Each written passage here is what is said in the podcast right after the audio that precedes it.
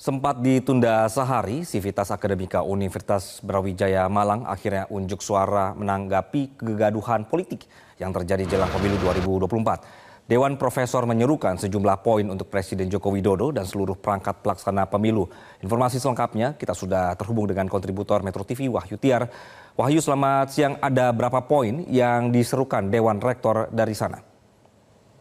Anggi dapat kami laporkan bahwa uh, tadi sekitar pukul 10 uh, lebih 15 menit uh, Dewan Profesor uh, Universitas Brawijaya Malang mengeluarkan delapan uh, poin yang ditujukan kepada Presiden Joko Widodo, pemerintah pada umumnya, uh, seluruh penyelenggara pemilu, serta TNI Polri dan ASN. Poin-poin penting sejumlah poin penting kami uh, catat bahwa uh, men untuk menjunjung tinggi keadilan tidak tebang pilih, tidak mencederai demokrasi dan bebas berpendapat. Kemudian tidak menjadikan hukum sebagai instrumen politik. Uh, kemudian pemerintah diharuskan tetap menjaga kondusivitas dan netralitas. Uh, demikian, Anggi. Baik, Wahyu Tiar melaporkan dari Malang. Terima kasih.